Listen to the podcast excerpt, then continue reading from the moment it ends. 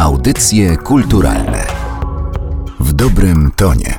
Zostałam zaproszona tutaj do Państwa, żeby powiedzieć o takim dziwnym zjawisku ilustracja.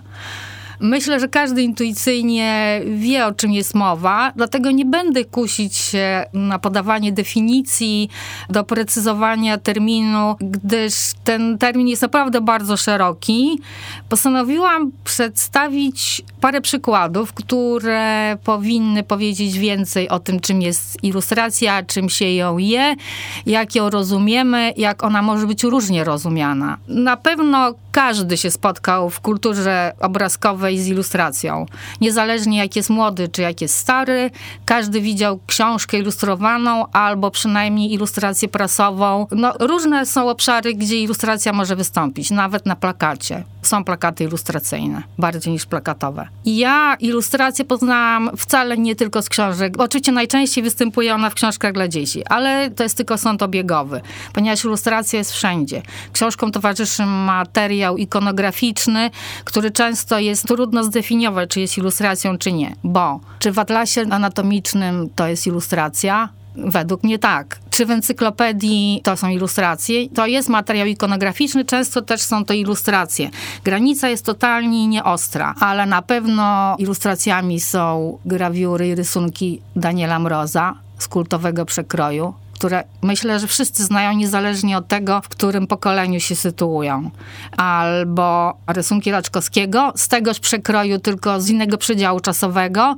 Raczkowski jako firma, jako sposób myślenia, jako sposób przedstawiania świata, to właściwie nie wiadomo, czy to są tylko ilustracje, to są takie eseje wizualne. No niekiedy niektórzy mówią, że to są komiksy, ale one się świetnie wpisują w taką tradycję przekrojową i takich kilku rysunków, które mówią o świecie, na przykład takie jak Filutek. Raczkowski świetnie to kontynuuje, tylko znacznie więcej poziomów to zawiera.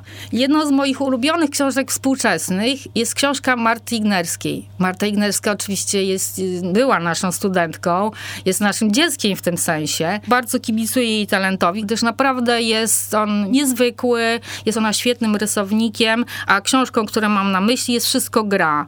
Ona jest niezwykła dlatego, że mówi o czymś, co bardzo trudno przedstawić, muzyka. A jeszcze próba orkiestry, no to w ogóle jest to szapoba, jak ona to zrobiła. Naprawdę, to jest niezwykła książka. Zaczynamy oczywiście na wyklejce, widzimy publiczność, która szykuje się do koncertu a później przedstawione są poszczególne instrumenty, które próbują swój dźwięk.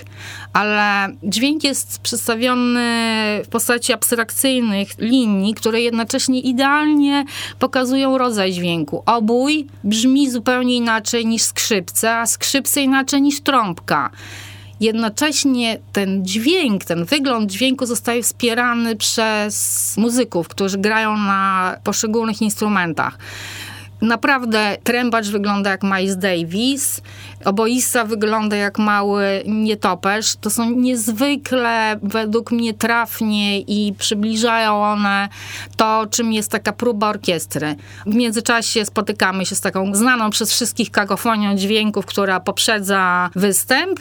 No i oczywiście sam występ. Idealna harmonia w momencie, kiedy pojawia się dyrygent. No naprawdę książka jest niezwykle prosta, jednocześnie przepięknie narysowana i według mnie bardzo zasłużenie dostała nagrodę w Bolonii, główną nagrodę w Bolonii, która jest czymś w rodzaju Nobla dla wydawnictwa i ilustratora. Audycje kulturalne w dobrym tonie.